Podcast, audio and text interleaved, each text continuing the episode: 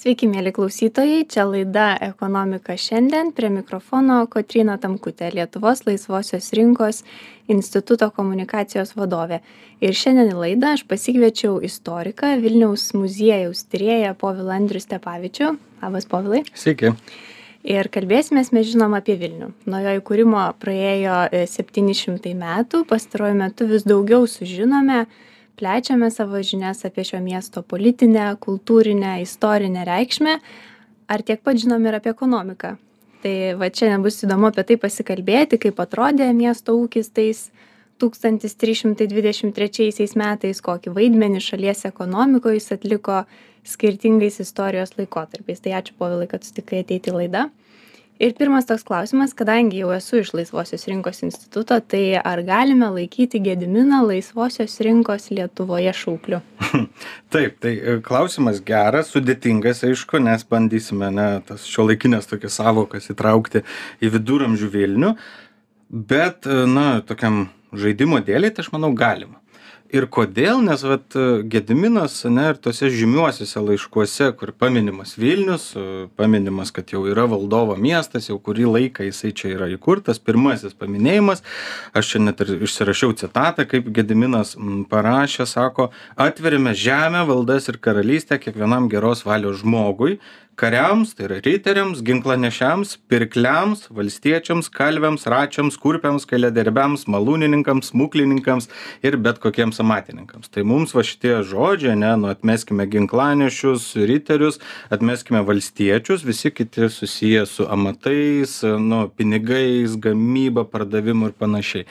Tai gediminas iš tiesų šitais laiškais padaro labai tokį gražų ir įdomų ėjimą, kadangi tai yra paskleista informacija apie Vilniaus miestą, kuris tuo metu yra toksai kaip ir izoliuotas tarp dviejų krikščioniškų kraštų, net iš šiaurės spaudžiamas, ten, kur dabar Latvija, ten kalavijuočių ordinas, iš Prūsijos yra kryžiuočių ordinas, dar rytuose yra stačiatikė, ne, toks pagoniškas kraštas. Ir vat praneša apie sostinę valdovo miestą ir kviečia atvykit čia mes jums duosim vietos mes jums duosim galimybes jūs jas realizuokite na ir aišku gediminas supranta kad nu atvažiuos realizuos išleis pinigų pagamins kažko ir ir galima bus nu gyvent šiek tiek geriau mhm. kaip tas jo žingsnis atrodo tų laikų e, istorijoje, tų, tų laikų kontekste, ar ne? Ar, ar čia jau labai laisvarinkiška ir, ir liberalu, ar taip darė tiesiog daugelis e, to meto didikų valdovų na gal keturioliktam amžiuj jau būtų sunku sakyt kad daug kas taip daro bet na visoj europos praktikoj miestų istoriją tyrinėjant iš tiesų matomas tas valdovo arba pačio miesto jeigu būtume pavyzdžiui venecijoj genujoj kur jau yra miestai valstybės ane tai yra noras pritraukti daugiau žmonių kurie gamina kurie parduoda kurie perka kurie atvyksta na kad vyktų tas gėrybių pinigų judėjimas toksai. Tai ar tai labai liberalu turbūt gal netiktų toksai žodis ane keturioliktam amžiuj bet tai mūsų istorijos atveju tai yra tikrai labai novatoriška idėja. Nes to meto vilnius yra medinis miestas mažiukas miestas palyginus tai kažkur dabartinė labai maža dalis dabartinio senamiesčio tai yra katedros aikštė va taip įsivaizduokime gal dar yra jau apsigyvenę stačiatikiai latako gatvėje. Na ir toksai mažiukas ane miestas kuriame vat gediminas sako atvykite ir gaminkit. Ir kaip tas atvykimas ir gaminimas viską parodo mes ir šiandien galime pamatyti vilniuje iš tiesų pavyzdžiui dabartinės katedros aikštės teritorijoje atvykę katalikai mes juos esame įpratę vadinti vokiečiais pirkliais nes dažniausiai iš vokiškų kraštų atvykdavo. Arba iš tos vokietijos kaip šiandieninė vokietija arba iš latvijos kas tuo metu irgi buvo vokiečių kalba kalbantis kraštas arba iš tos prūsijos. Na ir katalikai ten gyvena užsiema amatais yra labai smagių archeologai radę ir ten tokių emaliuotų karoliukų ir visokių dirbinių tokių papuošalų nu kas jau yra pardavimui naudojimui ane gamybai. Bet jau šitų aišku mes pamatysim muziejuose bet vilniuje pavyzdžiui eidami į švento mikalojaus bažnyčią kur yra švento mikalojaus gatvė aišku tai mes pamatome ką dar atneša tie visi amatininkai pirkliai ir ir visa. Tai mūro technologija ane atneša idėją kaip statyti mūrines bažnyčias. Ir vat būtent ta švento mikalojaus bažnyčia be to šventas mikalojus yra pirklių globėjas tai labai aktualu tai ją ir pastatė tie patys vokiečiai e, katalikai pirkliai. Būtent tame dalyje vat mikalojaus vokiečių gatvės va toksai e, vienu metu tai net buvo vadinama tokiu e, vokiečių miestu na mes istorikai jau tokį žodį su sudarėm bet katalikai jau tenais gyveno Mhm. Labai įdomu, kad e, atrodo tiek laiko praėjo, bet vis tiek dar yra išlikę Taip, taip, taip. to- tokie dalykai ir galima atsekti ir pastebėti. E, Ką Gedimino laiškai ir tai, ką jūs citavote ir, ir apskritai sako apie tuo metinio Vilniaus ekonomiką. Suprantam, kad jis yra labai mažas, bet kita vertus, jeigu kviečiam, tai vadinasi arba yra trūkumas tokių žmonių, kuriuos kviečiam, arba kažkokie kiti tikslai. Tai, tai ko- kokia ta ekonomika, kaip tas ūkis atrodo, ką mes galime pasakyti apie tai. Na tai turbūt jo būtent ko trūksta ir kviečia ane kalvių kai trūksta. Nu tai reikia tokių kad va tas kalvystės technologijas ane vystytų. Kurpiai račiai na akmenskaldžiai druskininkai ir panašiai. Nu druska toksai to meto viduramžiais ilgą laiką turbūt iki pat na devyniolikto amžiaus ane druska yra labai svarbus apskritai dalykas. Tai reikia žmonių kurie galėtų dirbti išgauti tą druską. Na ir jau paskui aišku parduoti parduoti. Bet aišku gediminas tuose laiškuose nieko apie na pardavimą nesako nu jis tai jisai ten nu kviečia taip funkciškai ane mums reikia va tokių tokių tokių žmonių. Bet tai nereiškia kad vilniuj tuo metu ar tuometinėj lietuvos valstybėj lietuvos didžiojoj kunigaikštystėj tokių nebuvo žmonių. Tai nereiškia kad mes čia buvom dykra kur nieks nežinojo kaip ratą padaryti kaip ten kurpę ku batus pagaminti ane ar ten kokią pasagą nukalti. Ne tikrai buvo bet tiesiog yra na suprasta kad na kuo daugiau žmonių tuo užsiims tuo geriau. Ir ir ir šiaip nu reikia kad į miestą atvažiuotų gyventi miestas plėstųsi ir tada viskas vyktų ir ir taip toliau tai aišku negalvokime kad gediminas ten jau ekonomikos vadovėlius kažkokius įveikęs yra Taip. E, iš istorijos žinom ir, ir apskritai, kai galvojam apie miestų kūrimąsi, tai e, paprastai e, kuriasi jie kažkokioj patogioj infrastruktūriškai aplinkoje. Ar tai prie pagrindinių prekybos kelių, ar prie e, upių, ar, ar kažkokių panašių objektų, ar, ar tai galioja ir Vilniaus miestui, ar e, vėlgi, ar jis išskirtinis šiuo atžvilgiu. Čia toksai klausimas kur tinka ir taip ir ne pasakyti ane iš vienos pusės mes galime pamatyt na pasižiūrim į žemėlapį arba tiesiog vaikštom ir matome dvi upės yra ane vilnelė ir neris. Tai mum logika jau diktuoja kad nu jau čia turbūt labai tinkama labai gera vieta. Bet iš kitos pusės keturiolikto amžiaus kiek teko skaityti ane tie prekybiniai keliai vis dėlto vyko kitomis upėmis pagrindiniai. Tai nemunas ir dauguva čia jau latvija. Ir pavyzdžiui ten buvo prie dauguvos toksai polocko miestas ane jau dabar baltarusijos dalis. Nu ryga aišku jau uostas na o nemunas tai kaunas ir klaipėda ane va toksai uch nu ir dar paskui karaliaučius jau atsiranda. Nu ir prieš tai jau buvo ta prasme va tas visas. O vilnius o vilnius yra čia labai juokinga aš kažkada skaitydamas suvedžiau tokią paralelę kaip su rail baltica yra kad mes šimtą kilometrų ane tai biškį tas vilnius ne į tą pusę. Tai ir su ta turbūt prekybiniais keliais anksčiau lygiai tas pats buvo. Bet e, vilnius šiaip buvo geroje yra geroje geografinėje pozicijoje ir ypač na keturioliktam amžiuje tai yra tiek kalvos ane tas slėnis visas neries ir vilnelės. Vilnelė tuo metu šiek tiek kitaip tekėjo tai garantuoja apsaugą garantuoja gerą susisiekimą. A, upė visą laiką yra gerai šalia turėti vis nuplauksi atplauk partempsi laivą ar ten kokią valtelę ir prekės judės ir plius gynyba vanduo ir ir visas kitas o vanduo be to ne tik ne tik gerti bet ir amatams ir visam visam visam tam tokiam gamybos aparatui ane? Tai vilnius yra toksai jo ir taip ir ne. Ir ir gera vieta ir ne. Bet jeigu būtų labai būtų bloga tai mes čia nebebūtume šitam mieste turbūt ir jis nebūtų sostinė. Taip, būtumėm ka- kažkur tai kitur tikriausiai. Em, Ar kalbėjau prieš tai, ar ne, kad atrodo iš tikrųjų apie Vilniaus tą politinę, em, politinę reikšmę, kultūrinę reikšmę tikrai ir domimės nemažai ir kalbam nemažai. Apie ekonomiką šiek tiek mažiau žinom. Ar, ar čia slypi kažkur tai problema, ar mes nesidomim, ar a, mes turim per mažai, nežinau, archeologinių tyrimų, kurie parodo, kokius mes ten ar tuos amatus turėjom, ar kokius kitus dalykus turėjom. na čia toksai kaip e, apie amatus pavyzdžiui vilniaus kalbant ane tai irgi mes galime kai kurias e, vietas net aplankyti dabar ane pavyzdžiui odminių gatvė ane mėsinių gatvė ane tokie va dalykai kur stiklių gatvė ane. Nu tai jau mums sako kad čia vat buvo tie buvo ir stikladirbiai stiklių gatvėje odmini odminių gatvėje odadirbiai buvo mėsinių gatvėje mėsininkai be to ir kur vilniaus muziejus įsikūręs ten mėsinių cechas kadaise buvo. A, tai taip tokių galima pamatyti. Mm archeologai irgi nuostabų darbą daro ir tikrai labai įdomių radinių randa. Ir iš tiesų mes galime pamatyti iš tokių dalykų kaip pavyzdžiui plombas ane prekėm žymėti. Mes žinome iš kokių kraštų atvyksta iš vakarų europos atvyksta prekės. Bet kame yra problema tyrinėjant ekonomiką kad e, senasis vilniaus archyvas iš tiesų su buvo sunaikintas. Ir kada jisai sunaikintas? O tūkstantis šeši šimtai penkiasdešim penktais metais kuomet rugpjūčio aštuntą dieną mieste pasirodo maskvėnų kariuomenė pirmoji okupacija sudega miesto archyvas. Ir vat jau to senojo vilniaus ekonomika na tie kas tyrinėja tai yra tikrai labai sunkus darbas e, bando rekonstruoti iš visų šitų dalykėlių. Na vėliau irgi vėlesni amžiai nelabai naudingi vilniaus archyvui ane kaip ir būna taip nesiseka. Bet nuo devyniolikto amžiaus iš tiesų kai jau vilniaus šiek tiek ir situacija pasikeičia nes jisai jau praranda sostinės statusą bet irgi tikrai nenoriu kad klausytojai galvotų kad tūkstantis septyni šimtai devyniasdešim penkti metai ne trečias padalijimas pasirašo popierių ir tada vilnius jau taip išglemba ane nieka ne palaipsniui viskas vyksta.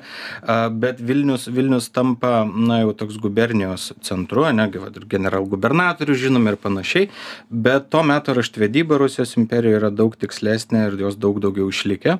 Todėl vat pavyzdžiui pavyzdžiui jeigu ką domina ir galiu čia iškart rekomenduoti knygas ane mano va kolegė aelita ambrulevičiūtė yra prirašiusi apie vilniaus pirklius labai įdomių knygų. Ir apie tai kaip miestai modernėja ir kaip remiasi irgi ir ekonominiais duomenimis ir panašiai tai tikrai tikrai e, rekomenduoju pasidomėti. O aš kadangi esu toksai išmanytojas senesnio laikotarpio tai jo susiduriu su ta problema. Bet iš tų kai kurių šaltinių galima rekonstruoti kaip pavyzdžiui ta prekyba vyko gal apie tą visą ekonomiką jeigu mes taip galvotume ane plačiąja to žodžio prasme ane tas mokslas apie viską ane socialinis toks mokslas gal man dar trūksta šiek tiek žinių apie tai pasakyti bet pavyzdžiui kaip prekyba atrodė kur kur ten kokios būdelės buvo kaip mėsa pardavinėjama ir panašiai mes žinom iš ldk laikotarpio Mhm. o jeigu va tokia įdomybė kaip ten prasiplečia šaltiniai devynioliktam amžiuj mes muziejuje darėme tyrimą apie tai kaip iš kur į vilnių atvykdavo skerdžiami gyvuliai pavyzdžiui ane? Ir ldk laikais mes žinome kad jie atvykdavo ir prie tam tikrų tam tikrose vietose mėsininkų cecho nariai turėdavo ten su jais tvarkytis na ir viską prižiūrėt o devynioliktam amžiuj mes tiksliai galime rekonstruoti kuriomis gatvėmis jie buvo vedami į tvartą o kuriomis gatvėmis iš tvarto į skerdyklą. Tai va koksai yra tikslumas šaltinių O kas tai parodo, atsiprašau? Ai, tai, tai, taip, atsiprašau. Tai jo, e, o kas parodo, tai yra visi miesto potvarkiai. Mhm. Pavyzdžiui, miestas leidžia XIX amžiuje atgenamus gyvulius, mhm. nu, galvijus, vesti tik tam tikromis gatvėmis. Pavyzdžiui, dabartinė Algirdo gatve. Daugiau jokiom gatvėm tu negali, tai yra leidimas duotas ir reikia įsivaizduoti, kaip tos karvytės ži- žingsniuoja link skerdyklos pasitikti. O paskui jau tas transportavimas ir visi kiti dalykėliai. Tai va, tiesiog daug tokių e, potvarkių popierių visokių išlikusių, kurie tikrai gali geriau padėti mums suprasti miesto tą ekonominį gyvenimą. O aš galvau, kad pėtsakai yra kur nors susispaudė ir dėl to į vieną pusę. ar į kitą. būtų labai jėga. Taip. E, supratau, o žiūrėkit apie tą Vilniaus tada reikšmę šiek tiek, ar ne? Mhm. E, vėlgi suprantu, kad tų duomenų trūksta. Kita vertus galvoju, e, kiek galime kalbėti apie tai, kaip e, ir kiek tai yra ištyrinėta, kaip kitos valstybės, kitos tautos žiūri į tą Vilnių. E, Ar, ar mes galime apie tai kalbėti, nežinau, ko, kokį įspūdį susidarom iš to, ką kiti apie mus sako ir kokią tą reikšmę. Na tai Vilnius, aišku, jeigu čia galima žiūrėti įvairiai, ne? Vienas dalykas yra daug keliautojų, kas važiavo pro Vilnių arba apsistojo, paliko čia atsiminimą kokį nors arba užfiksavo. Tai vieniems jisai yra baisus, negražus, kaip čia laukiniai gyvena, tu čia šaržuoju, aišku, šiek tiek, na, bet toksai, ypač jeigu tu iš vakarų Europos. Bet e, jeigu kalbant apie priekybą, ne, tai mes žinome, kad Vilniaus pirkliai konfliktuodavo su Gdansko pirkliais, tarkime, ne, kaip pavyzdys. Mes žinome, kad Vilniaus e, pirkliai, nu tikrai į vakarų Europą vykdavo ir ten bandydavo kažką nuveikti, ne, prekybinius sandorius sudarinėti, bet to ir daug kas atvykdavo iš užsienio.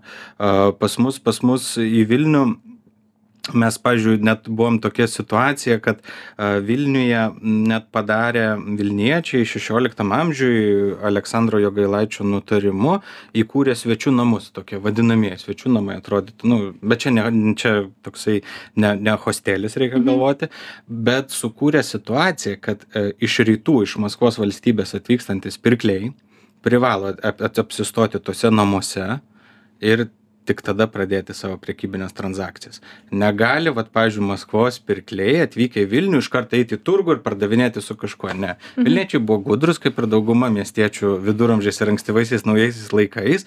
Ir jie suprato kad jeigu atvažiuos vat pavyzdžiui aš esu ne vilnietis tarkim pavyzdys atvažiuoju su pilnu vežimu nežinau mm, ratų ane parduosiu e, bet e, vilniečiam neapsimoka jie nori kad pirma man parduotų jie ane vilniečiui tai yra kad aš parduočiau ir tada jau pardavinės vietiniam žmonėm. Tai vat tie svečių namai net buvo sukurti. O jie buvo be to dabartinės filharmonijos vietoje didžiojoj gatvėj tai tai irgi tokia įdomybė. E, vienu metu gal jie net ir vadinosi maskvėnų namais nes labai daug ten iš maskvos atvykdavo.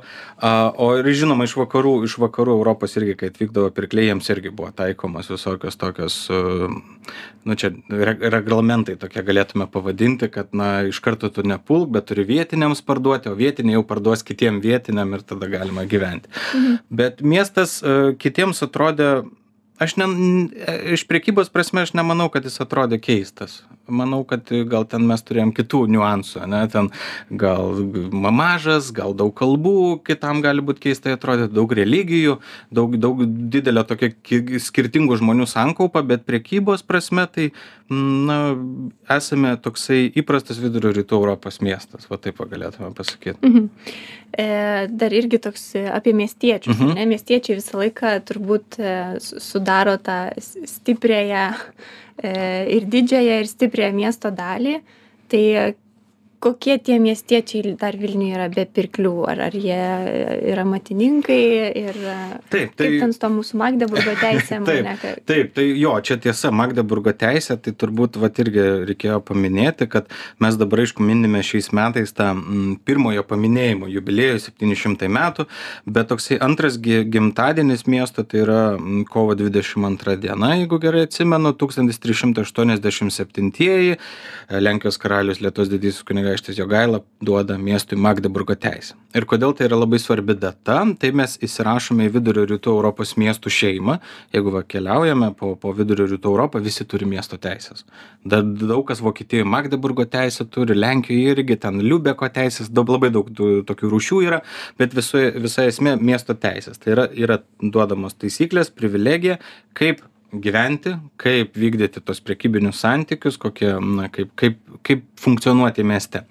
Ir prie miestiečių, tas miestiečiai, tai taip, pirkliai, amatininkai, padieniai darbininkai, negali būti, e, aišku, vienuoliai, šventikai, ten raštininkai, visokiausių profesijų atstovai. Ir, ir, ir tų smagesnių profesijų atstovai, ir tų tokių gal mažiau, ir aišku, plėšikų kokių, nors ir huliganų visą laiką yra. Aišku, gal čia sakysit ne profesija, nu, bet irgi pragyvenimo, galima sakyti, toksai būdas. Tai mieste, aišku, yra didelis tas tokių skirtingų profesijų sankaupa. Ir jas visą laiką buvo galima pamatyti, pavyzdžiui, rotušės aikštėje. Tokiuose kromeliuose, ne tokiuose kioskeliuose, kabutėse, tenais išsidėlioja prekes ir pardavinėjama, vyksta pardavimai, tenais deranamas, tiek ir duona kažkur nusipirkti, ir, ir mėsos, ir valgyti, ir žirnių ar kažko.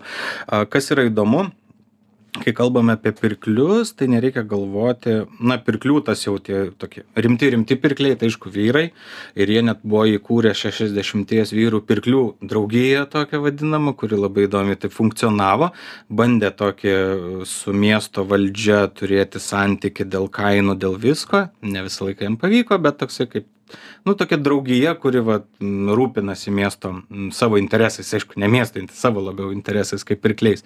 Bet prekyboj ir moterys dalyvavo. Pavyzdžiui tuose kromeliuose neretai ir moterys stovėdavo pardavinėdavo. Amati amatininkų naš šito žmonos arba našlės jeigu vyras iškeliaudavo anksčiau tai irgi irgi na prisidėdavo prie prie viso to ir amato ir jo pardavimo realizavimo prižiūrėjimo ir taip toliau. Tai toks miestas e, viską įtraukiantis ir Mhm. e, Būtent, puikia, būtent. puikiausiai savipakankamas. Taip, ne, taip, taip, taip. Ne, kažkoksai tai. E, dar vienas klausimas apie, dabar Vilnių mes matom kaip sostinę Mhm. ir, e, ir tikrai nu, su, su visais tais sostinės privalumais ir, ir politinė reikšme ir, e, ir tokiais dalykais kaip, nežinau, ekonomikos reikšme, ar net turim ir visokius ten gyventojų pajamų, mokesčio perskirstimus ir, ir tai, kad atlyginimai Vilniuje skiriasi Mhm. nuo, nuo kitų miestų ir nuo kitų regionų. Ar galima kalbėti e, apie palyginimą tais laikais, ar ne tos pačios Lietuvos didžiosios kunigaikštystės laikais, e, kiek Vilnius išsiskyrė iš kitų mūsų miestų? Jo, čia iš tiesų galima, nes šiaip bendrai miestų istorijos tyrinėtojai yra, na, pastebėję ir yra tokios net teorijos išvedamos, e, arba tokie požiūrio kampai gal net tiksliau būtų, kad e, kai susikuria miestas, ne, ir, pavyzdžiui, jame gerai vystosi ir prekyba, matai, na, pinigų daugiau sukaupiama, tai vystosi yra miesto apylinkės tai yra čia neturėkime omeny rajoną ane bet taip daugiau net plačiau pasižiūrėti nu visas tas a a aplink aplinkos žemės. O kodėl na prie kelių tenais ir nakvynės namai visokie pasistato kur jau kviečia užsukit prieš įvažiuojant į miestą ne karčiama smuklė vienas kitas tas dalykėlis na tai matosi kad traukia. Miestas visą laiką į save traukiantis yra dalykas. Kitas dalykas vilniaus atveju yra tas kad jisai labai ilgą laiką yra sostinė tai sostinės vaidmuo ypač iki septyniolikto amžiaus vidurio labai stipriai veikia miesto gyvenimą. Kodėl? Nes jeigu yra sostinė tai reiškias atvažiuoja valdovas. O jeigu atvažiuoja valdovas tai atvažiuoja dar keli šimtai kas prie valdovo nori pabūti. Tai jie irgi apsistoja mieste. Jie turi valgyti jie turi gerti jie turi na nežinau nusipirkti kažko kažką parduoti. O miestiečiai tai gudriai yra gudrūs ane ką jie daro sukelia kainas ane nu mato nu va atvažiuos vat vasarą valdovas su savo ten didikais a, patarėjais raštininkais ir panašiai nu tai čia kaip ir va ne pas mus pavyzdžiui galima tikrai paralelę nu koks nors ten renginys vat būtų vilniuje nu tai, gal turėsim NATO va virš. Va, va, nu tai aš manau, kai kas pakils tenais gal kokios nuomos kainos, ne, nu čia juokais aišku, bet, nu vis tiek žmogus, žmogus mhm. prisitaiko ir, ir Vilniui būtent iki 17 amžiaus vidurio tas ir labai padėjo. Mhm. Paskui po tos negandos Maskvieno okupacijos miestas tikrai labai taip, mm, na, nu, buvo nustekentas ir reikėjo ilgą laiko atsistatyti, bet liūdniausia, kad jau ir valdovai nelabai atvykdavo į tą Vilnių. Ir va toksai susidaro toksai nu, toksai įd- įdomus, įdomus posūkis istorijoje, kad netolies esantis Gardino miestas tampa vienu metu net toks svarbesnis už Vilnių. Nors Gardinas buvo, kaip skaičiau, tris kartus mažesnis už Vilnių 18 amžiaus pabaigoje. Bet kodėl? Nes ten buvo nuspręsta, kad kas trečias abiejų tautų Respublikos Seimas vyks tenais. Ir tenais galima irgi, jeigu va, klausytojai norėtų pasiskaityti, tai tikrai skaitydo, pasidomėtumėt apie Gardiną, pamatytumėt, kad Gardino miestiečiai tą patį daro, ką Vilniečiai. Atvyksta Seimas, tai ką darom, sukeliam kainas, daugiau parduodam, geriau padedam išgyventi, vis taip va, pučiamės, pučiamės ir panašiai. Yra, yra paklausa, ar Taip. ne? Pa- Padarom taip, būtent. E, supratau. Ačiū, Povilai. Laikas labai greitai praėjo. E, esu tikra, kad apie Vilnių galima ir daugiau šnekėti. Ir e, tikrai už, už, už, kaip čia, pasiūlėt ir įdomių pavardžių, ar ne, ir tyrimų, ku- kurie galėtų plėsti tą mūsų žinojimą. Ir e, turbūt tas 700 metų jubiliejus toks kaip e, postumis daugiau žinoti, daugiau domėtis, e, ne tik apie valdovus, kurie Taip. čia buvo, bet ir apie, apie mūsų miestą. Tai ačiū, laidoje kalbėjausi su istoriku Vilniaus muziejaus tyrėju Povilu Andriumi Stepavičiumi ir visas pokalbis ir sukosi apie Vilniaus ekonomiką. E, Klausytojus kviečiu likti kartu, netrukus rubrika Stebime valdžią. Ačiū.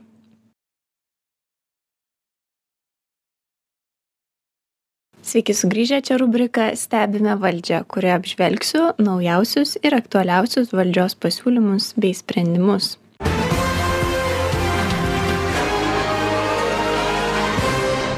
Praėjusią savaitę posėdžiavusi europos centrinio banko valdančioji taryba pranešė didinanti bazines palūkanų normas penkiasdešimčia bazinių punktų bei pažadėjo dar vieną padidinimą kovo mėnesį numatytame posėdyje.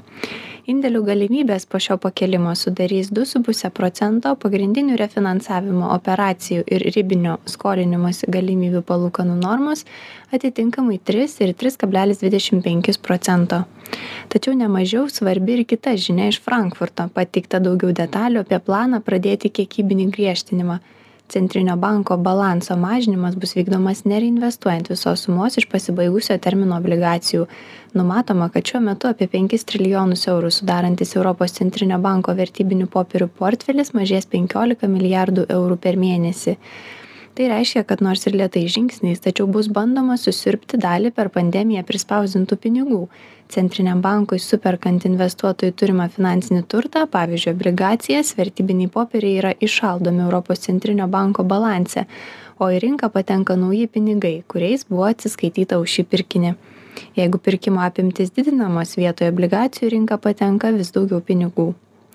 Nuo šių metų kovo reinvestuojama suma bus mažinama tokiu būdu europos centrinis bankas susigrąžins dalį per pandemiją išleistų pinigų nes kai kurios suėjusio termino obligacijos centrinio banko portfelyje nebebus pakeičiamos naujomis.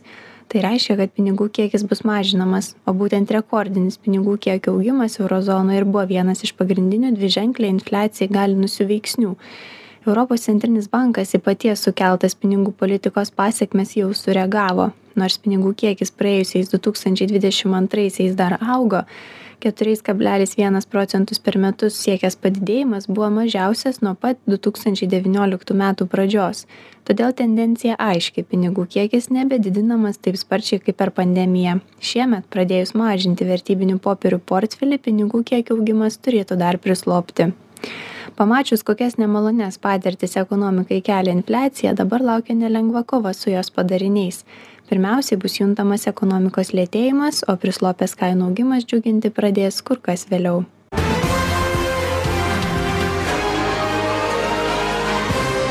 Dėkoju už dėmesį čia buvo rubrika stebime valdžią iki kitų susitikimų